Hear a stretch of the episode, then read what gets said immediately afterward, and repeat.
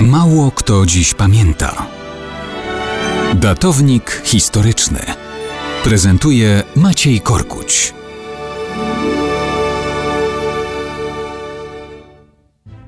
Mało kto dziś pamięta o nocy z 14 na 15 stycznia 1863 roku. Warszawski garnizon rosyjskiej armii i policja mają pełne ręce roboty. 30 minut po północy rozpoczyna się wielka operacja policyjna. W miasto rusza 240 uzbrojonych patroli, każdy złożony z dwóch policjantów i trzech żołnierzy. Potajemnie z zaskoczenia rozpoczynają brankę do carskiej armii. To ma być sposób na wyniszczenie niepodległościowych środowisk polskiej ludności. Człowiek wzięty do armii faktycznie przepadał nawet na 25 lat. Wielu nie wracało nigdy. Generalnie brankę robiono wśród całej społeczności poddanych cara. Nieszczęśników wybierano normalnie drogą losową. Teraz zarządzający Królestwem Kongresowym Margrabia Wielopolski poddał pomysł, aby zrobić inaczej. Niepodległościowe nastroje to przede wszystkim wówczas młodzież miejska i inteligencja zaangażowana w działania konspiracyjne. Warszawa była sercem spisków.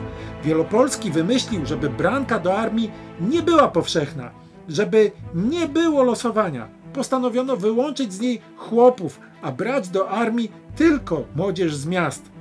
Wszystkich podejrzanych patriotów według list imiennych wcześniej przygotowanych. Ma być zaskoczeniem, kiedy to nastąpi. Dlatego w połowie stycznia rusza operacja policyjna utrzymywana w największej tajemnicy. Idzie początkowo gładko. Władze świętują sukces. Według planów z Warszawy zamierzano wyłowić w ten sposób prawie 2000 ludzi. Pojmano skutecznie ponad 1600. Rosjanie jednak nie wiedzą, że przeczuwając niebezpieczeństwo, już od kilku dni młodzi ludzie uciekali z miasta w lasy podwarszawskie, grupując się w zbrojne oddziały. Policja w Warszawie, jak się okazało, była zdeterminowana co do ilości. Kiedy nie było wyznaczonych do branki, łapała kogokolwiek. Sukcesu więc w Warszawie w gruncie rzeczy nie było. Ale wszyscy zrozumieli, co im grozi.